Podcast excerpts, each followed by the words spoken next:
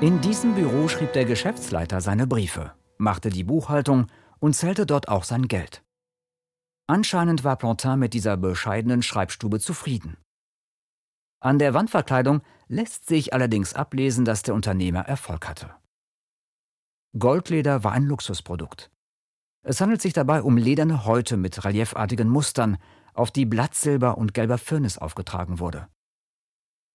Der internationale Handel wurde mit Münzen in einer Vielzahl verschiedener Währungen geführt. Die Händler konnten in einem Münzbuch den Wert der eigenen und der ausländischen Münzen nachsehen. Das Gewicht des Edelmetalls bestimmte den Wert einer Münze. Die Händler hatten deshalb immer eine kleine Waage mit Gewichten bei sich.